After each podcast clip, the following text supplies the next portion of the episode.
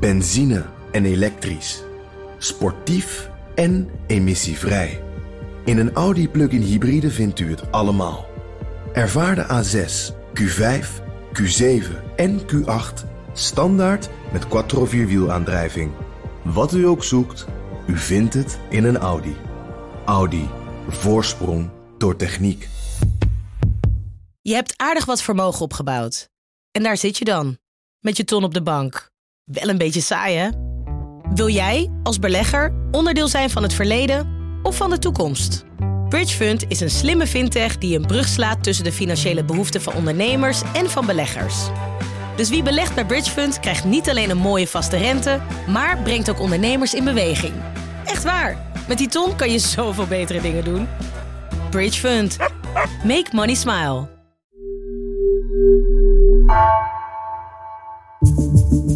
Vanaf de redactie van NRC het verhaal van vandaag. Mijn naam is Gabriella Ader.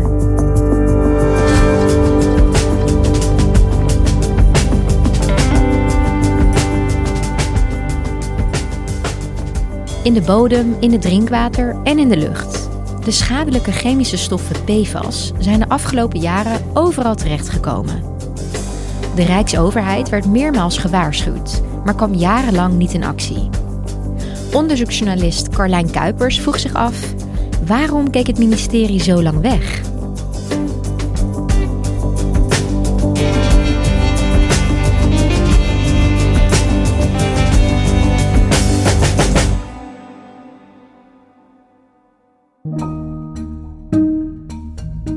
Afgelopen maart was ik samen met mijn collega Lucas Brouwers op een grauw industrieterrein in Dordrecht. En dat is het terrein waar de fabriek van Gemoer staat. Het is echt een groot fabrieksterrein waar je met auto's overheen kan rijden. Grote hekken afgesloten. En we waren daar met twee chemici van de Vrije Universiteit in Amsterdam. Sikko Brandsma en Martin van Velzen. Ja, hey, hier is het. Dit is ja. Dit is de ingang. En ik ga nog een stukje door, want hier we hadden daar met Sikko en Martin afgesproken omdat zij ons wilden laten zien hoe zij in 2017 daar onderzoek hadden gedaan in dat, uh, in dat gebied. Kijken, kijk, de eerste, zodat ik me nog kan herinneren, is de eerste boom die we gedaan hebben, is, is deze. Eigenlijk deze allereerste. En dat is die meidoorn. Ja, dus... Ze waren daar in 2017 op een zaterdagochtend naartoe gereden om monsters te nemen van boomblaadjes en gras bij die fabriek. Want ze wilden weten of, er, of ze PFAS zouden aantreffen. Ehm, dat was destijds een heel klein onderzoek. Ze deden het echt in hun vrije tijd. Ze hadden er eigenlijk geen geld voor. En dat deden ze omdat ze in de krant hadden gelezen dat er in de VS grote problemen waren met het Amerikaanse chemiebedrijf DuPont. Uh, zij produceren Teflon, PFAS. En uh, medewerkers waren daar ziek geworden. Dieren waren ziek geworden. Grote gebieden waren vervuild geraakt. En ze hadden in de krant gelezen dat er ook zo'n fabriek van DuPont, dat heet inmiddels Gemoer, in Dordrecht stond. Dus zij wilden weten van, zitten die stoffen dan ook hier? En uh, kunnen we ze aantreffen in, gewoon in de buitenlucht? Ja, en dan als je daar verder gaat, daar, daar hebben we daar nog eentje op drie kilometer gedaan. Ja. En dat is dus aan de andere kant. Ja. Die op drie kilometer dacht je eigenlijk van, daar vinden we toch niks? Nee, ja. Eigen, ja, dat hoopt hij eigenlijk ook gewoon. Want anders zou je zeggen, ja, als je op drie kilometer nog wat vindt, dan gaat het toch best wel ver. Als ze klaar zijn, stoppen ze al die potjes met gras en, en blaadjes in hun achterbak in de auto. En rijden ze terug naar Amsterdam. Daar stoppen ze ze in een koeling op de universiteit. En dan gaan ze gewoon naar huis, weekend vieren.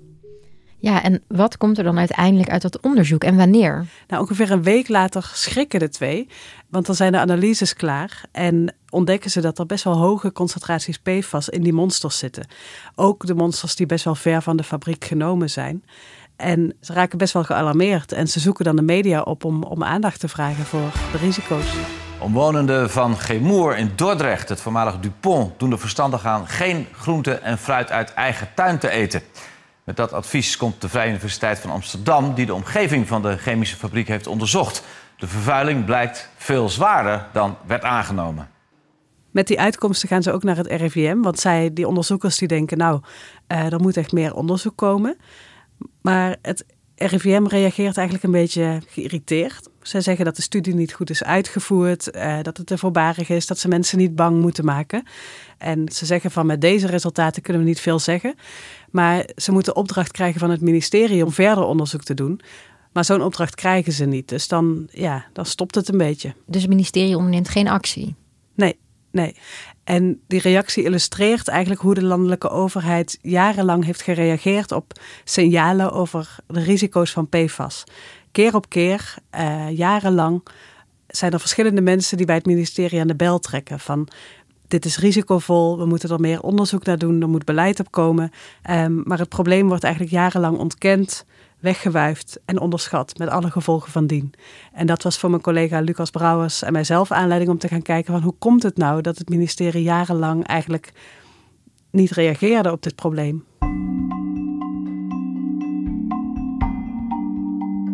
Ja, Carlijn, eerst eventjes, wat zijn PFAS nou precies? PFAS is eigenlijk een verzamelnaam voor een groep van ongeveer 6000 verschillende stoffen en het zijn allemaal verbindingen van fluor en koolstoffen die door de chemische industrie zijn gemaakt. Het is, het is eigenlijk fantastisch spul. Het verweert niet, het stoot vet, vuil en water af. En daarom is het in heel veel verschillende producten verwerkt. Het zit in je regenjas, in pacemakers, in pannen, in mascara, vloerbedekking, in, in zonnepanelen. Het zit echt in zoveel verschillende producten. Maar er zijn ook een, een aantal grote problemen. Uh, het eerste is dat die stoffen niet afbreken, dus ze stapelen zich steeds maar op in je lichaam, in het milieu. We krijgen ze binnen. Elke dag krijgen we, krijgen we PFAS binnen. En hoe komt dat dan dat we dat binnenkrijgen? Ja, we krijgen het binnen via voedsel en via water. Dus, dus die PFAS die, die zitten in het, in het eten en in het, in het water dat we drinken. En PFAS zijn in heel lage concentraties al schadelijk. Dus als je maar een heel klein beetje PFAS binnenkrijgt, dan wordt al je immuunsysteem aangetast. En in wat grotere concentraties kunnen PFAS ook nier- en teelbalkanker veroorzaken. Ja, dus dat is toch vrij serieus allemaal. Ja, zeker. Ja. ja. En waar vinden we die PFAS allemaal terug? Nou, eigenlijk overal. Ze zitten dus in allemaal producten, maar inmiddels zitten ze ook in de grond, in het water, in de lucht. Dus ze verspreiden zich gewoon over de hele wereld. Uh, en PFAS zitten ook in ons bloed. En uh, uit onderzoek is gebleken dat elke Nederlander elke dag te veel PFAS binnenkrijgt.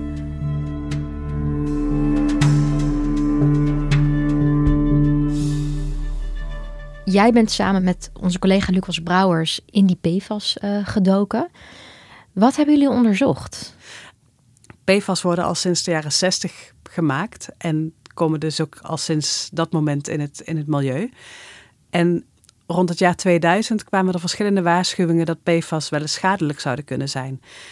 Wetenschappers in de VS en in Canada ontdekten dat het schadelijk was. In de VS kreeg DuPont, dus Chemour, dat bedrijf kreeg al een boete omdat ze informatie over de schadelijkheid van die stoffen hadden achtergehouden. Op dat moment was er ook al een studie van Rijkswaterstaat waaruit bleek dat er PFAS in het milieu zaten. Dus wij wilden eigenlijk weten van waarom zijn die signalen toen niet opgepikt. Dus Lucas en ik zijn eigenlijk terug in de tijd gaan kijken van welke signalen zijn er geweest, welke signalen zijn gemist. En we ontdekten dat er eigenlijk verschillende mensen waren die op verschillende momenten in de tijd gewaarschuwd hebben van we moeten hier iets mee. Dit is, dit is echt een risico. En die mensen hebben we gevolgd en gekeken wat er met hun signalen is gebeurd. Nou, dan ben ik natuurlijk heel benieuwd. Ja, welke voorbeelden waren dat dan? De eerste persoon die in Nederland aan de bel trok was Arne Alfenaar.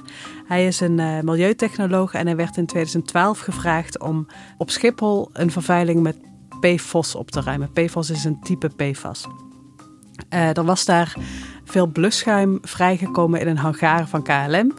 En dat blusschuim dat bevatte PFOS en dat was allemaal in de grond gelekt. Dus aan Arne Alphenaar was de vraag van hoe gaan we dat, hoe gaan we dat oplossen, hoe gaan we dat schoonmaken. Hij verdiept zich daarin en hij leest eigenlijk veel over, over die stof. Hij moet het echt bij elkaar googelen omdat hij ook niet uh, er veel van wist. En dan leest hij dat die stof eigenlijk nooit afbreekt. Dus eeuwig blijft bestaan, altijd in het milieu blijft. En dat die stof zich ophoopt in, in mensen en dieren. Het is niet echt uh, prettige berichten om uh, te lezen. Nee, zeker. Dus hij kreeg wel door van dit is een bijzonder soort stof. Hier moeten we echt over nadenken van wat, wat doen we daarmee? En hij denkt, Schiphol is niet de enige plek waar blusschuim gebruikt wordt. En hij komt dus tot het besef van dit is niet een lokaal probleem van Schiphol. Het is een landelijk probleem dat ook door het ministerie onderzocht of aangepakt moet worden. Dus hij trekt aan de bel bij het ministerie. Hij gaat daar echt een presentatie geven bij, eh, bij wat directeuren. En hij zegt er is landelijk onderzoek, er is landelijk beleid nodig. Het ministerie wordt dus gewaarschuwd hè, door deze Arne Alphenaar. En dan? Wat, wat gebeurt er met die waarschuwing? Nou, eigenlijk niks. Ze horen hem aan. Maar verder reageren ze een beetje schamper. Ze, ze zeggen van we hebben wel belangrijkere problemen aan ons hoofd. Oké, okay, dankjewel. ja, dus Alphenaar heeft het gevoel tegen een muur aan te lopen op het ministerie. Hij wordt gehoord, maar verder wordt er niks met zijn waarschuwingen gedaan.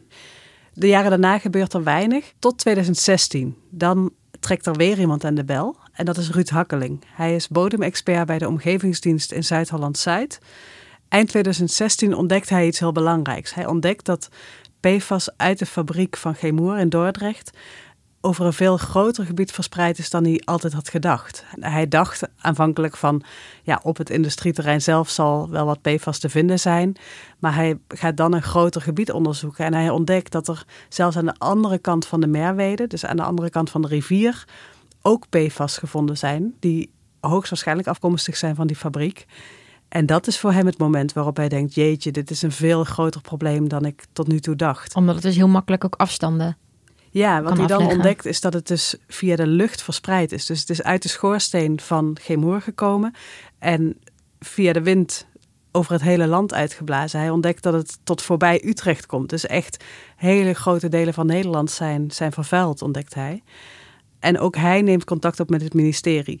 En hij is ervan overtuigd met dit in handen, dus met die informatie dat die PFAS ver buiten Dordrecht verspreid zijn, moet het ministerie wel in actie komen. Ja, dat lijkt me ook. Maar de vraag is natuurlijk, doet het ministerie dat ook? Nou nee. Weer niet? Nee, ook, ook nu geeft het ministerie niet thuis. Eigenlijk tot grote frustratie van de mensen die we, die we hebben gesproken. Telkens krijgen ze eigenlijk te horen: het is niet aan de Rijksoverheid om met het probleem aan de slag te gaan. Dus er zijn verschillende gemeentes en provincies die rond 2015, 16 ja, dan maar brieven gaan schrijven aan het ministerie. In een soort ultieme poging om het ministerie tot actie te bewegen. Maar daar geeft het ministerie zelfs geen schriftelijk antwoord op.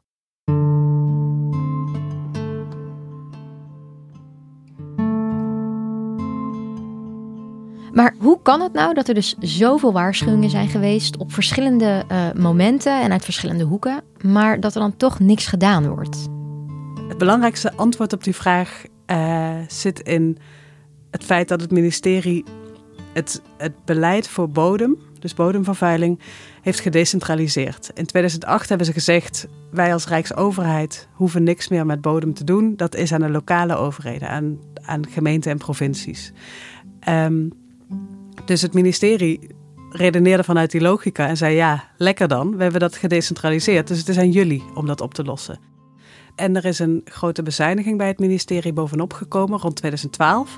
En daaraan vast hangt een geloof dat, dat bodemvervuiling ook wel iets uit het verleden was. We hadden in de, in de jaren 50, 60 zijn er veel bodemverontreinigingen geweest. Die hebben we in de jaren 80, 90 opgeruimd. En begin deze eeuw was dat wel zo'n beetje klaar. Dus er was ook echt een geloof. En dat geloof kwam ook wel heel goed uit in die tijd van bezuinigingen. Dat dat hele onderwerp bodemverontreiniging gewoon afgesloten was, klaar. En dan, ja, dan is het gewoon. Uh... Heel onhandig als er ineens PFAS ja, precies, komt kijken. Precies, dat, dat breekt dan met, met het hele beleid, de hele, de hele logica waar, uh, waar dat ministerie op bouwt. Dus uh, ja, dat is de reden waarom ze dus lang die signalen gewoon naast zich neer hebben gelegd. Ook omdat er op het ministerie gewoon heel weinig mensen waren die nog iets van bodem afwisten. Er zijn heel veel mensen naar andere plekken gegaan, eh, andere banen gekregen. En er is een moment geweest waarop op het hele PFAS-beleid eigenlijk maar één ambtenaar zat die daarvoor verantwoordelijk was. Eén iemand? Ja, ja. dus dat zegt wel iets. Dan, ja, dan kan je ook niet zoveel met die signalen. Nee. En zo bleef het ministerie wegkijken tot 2019. Ja, want wat gebeurde er toen? Op dat moment kwam er eigenlijk steeds meer druk. Dus vanuit die provincies en gemeenten, maar ook vanuit de Tweede Kamer. En onder al die druk besloot staatssecretaris Stientje van Veldhoven om regie te gaan nemen. Dus, Eindelijk. Ja, zij zei, we moeten als ministerie hier wel een rol in spelen. Ehm, maar dan dus zonder menskracht, zonder inhoudelijke kennis en zonder idee welke delen van Nederland vervuild waren. Want de mensen waren er niet, er was geen onderzoek gedaan. Je had alleen die ene lonely ambtenaar daar op de ministerie. Ja, dus dat is een ontzettend ingewikkeld uitgangspunt om dan ineens beleid te gaan maken. Ja, je hebt wel een soort kennis- en mensenbasis nodig om dat te gaan doen. En het beleid dat volgde was daardoor eigenlijk heel ondoordacht en heel paniekerig. Het kwam heel gehaast tot stand. En lokale overheden, provincies, RIVM, grondbedrijven, die waarschuwden van doe dit niet, dit, is, uh, dit beleid is niet werkbaar. En toch zette het ministerie door. Hoe zag dat beleid er dan uit? Nou, het ministerie heeft eigenlijk in een half jaar tijd, dus in de eerste helft van 2019, hebben ze supersnel beleid willen maken. En uh, in de zomer van 2019 kwamen er heel strenge regels voor het verplaatsen van grond. Bijvoorbeeld bij bouwprojecten en bij bagger. Eigenlijk vanuit het idee dat er in al die grond mogelijk PFAS zouden zitten. En die regels waren zo streng dat eigenlijk alle bouwprojecten die op dat moment nog niet door stikstof stil waren komen te liggen, want het was ook de zomer van de stikstofprotesten, uh, die kwamen nu vanwege PFAS stil te liggen. Dus het beleid had heel grote consequenties, maar het loste uiteindelijk de vervuiling niet op. Want die vervuiling die zat al overal in Nederland. Ja, en intussen zitten wij nog steeds met de PFAS. Ja, ja. En ja, jij uh, hebt hier een soort reconstructie van gemaakt. Wat laat dit zien voor jou? Wat is jouw conclusie? Nou, ik denk dat je een, hier een patroon ziet dat je vaker ziet bij de Rijksoverheid. Dus een neiging om eerst heel lang een probleem niet te willen zien, niet te willen aanpakken. Ondertussen groeit dat probleem, wordt het alleen maar groter. En vervolgens is een soort overreactie. En wat ik ook opvallend vond, was dat het ministerie dus jarenlang heeft gezegd van dat PFAS is iets voor gemeenten, provincies, lossen jullie het zelf maar op. Die vragen het ministerie om regie te nemen, dan doet het ministerie dat. En dan luisteren ze eigenlijk niet meer naar wat die provincies en gemeenten te zeggen hebben. Terwijl die dan op dat moment al jarenlang ervaring hebben, ervaring die het ministerie niet heeft. Dus het is een soort paniekreactie die je daar zag. Zou er nou ook meer dan, dan die ene ambtenaar op het ministerie zich nu met PFAS bezighouden, denk je? Inmiddels is het, is het wel veranderd. Er werken inmiddels veel meer mensen. Het ministerie heeft echt weer mensen aangenomen en de bezuinigingen van tien jaar geleden weer deels teruggedraaid. En ze laten ons ook weten dat ze hebben geleerd van de fouten uit het PFAS-dossier. En die strenge normen uit de zomer van 2019 die zijn weer deels versoepeld. En het ministerie neemt het probleem nu ook veel serieuzer. Ze proberen een Europees verbod op PFAS te krijgen. Het RIVM krijgt inmiddels weer veel meer opdracht om onderzoek te doen. Dus we weten ook veel meer over PFAS in voedsel en in, uh, in drinkwater. Um, maar er komen toch jaarlijks nog, nog een paar kilo PFAS. En dat klinkt heel weinig, maar dat is heel erg veel, omdat PFAS in heel lage concentraties al schadelijk zijn. Maar een paar kilo PFAS komen jaarlijks nog uit die schoorsteen in Dordrecht. En er is nog steeds geen wettelijke basis om, om dat te verbieden. De provincie wil graag gewoon alle PFAS uit die schoorsteen stoppen. Uh, maar dat kunnen ze niet, omdat niet van elk stofje duidelijk is of het schadelijk is en hoe schadelijk dan. En dat moet je weten voordat je zo'n verbod kan opleggen. Dus dat moet nu eerst uitgezocht worden? Ja. ja, maar je loopt daarmee ook altijd een beetje achter de feiten aan. Want de chemische industrie kan, kan een stofje weer net een beetje veranderen. Dus dan heb je net aangetoond dat die ene stof schadelijk is. Dan veranderen ze wat en dan moet je die hele riedel weer door. En dat is dus ook wat, wat Nederland probeert met dat Europese verbod. Ze willen die hele groep van alle PFAS tegelijk verbieden... om te voorkomen dat bedrijven steeds net een, een stofje een beetje veranderen... om onder regels uit te komen. Maar intussen zitten wij wel met een uh, land vol PFAS. Ik bedoel kunnen wij dat nog opruimen? Nou ja, dat is het ingewikkelde van dit hele dossier. Um, dat, dat kan eigenlijk niet. Het hele land zit, zit onder de PFAS. Het is jarenlang is er steeds meer PFAS bijgekomen. En eigenlijk is het zo dat het, het is ontzettend duur en ontzettend ingewikkeld om dat, om dat op te ruimen. Je kan niet het hele land gaan afgraven. Dus wat veel mensen ons vertellen is dat er eigenlijk een soort gesprek moet komen over wat ga je doen als, als een heel land vervuild is en het dus niet meer lukt om dat op te ruimen. En ze zeggen van dat gesprek, dat gaan veel politici nog steeds uit de weg. Dus eigenlijk willen ze ook dat probleem weer niet helemaal zien. Het is natuurlijk ook een heel ingewikkelde boodschap. Dat ja, je, uh, het nou ja. klinkt vrij fatalistisch. Nou, kijk, je gaat niet acuut dood aan PFAS. Maar dat gesprek over, over hoeveel risico we dus acceptabel vinden, hoeveel PFAS we oké vinden om mee te leven, dat, dat moet echt gevoerd gaan worden. Ja. Niet een blije boodschap om mee af te sluiten, maar... ehm, Helaas. Nee, maar blijf het volgen voor ons, Carlijn. Dank je wel. Graag gedaan.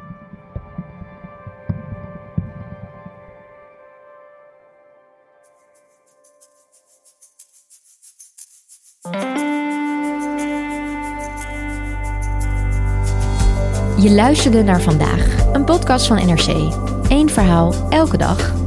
Deze aflevering werd gemaakt door Tessa Kolen, Ignaas Schoot, Lis Doutsenberg en Bas van Win. Coördinatie Nina van Hattem. Dit was vandaag, maandag weer.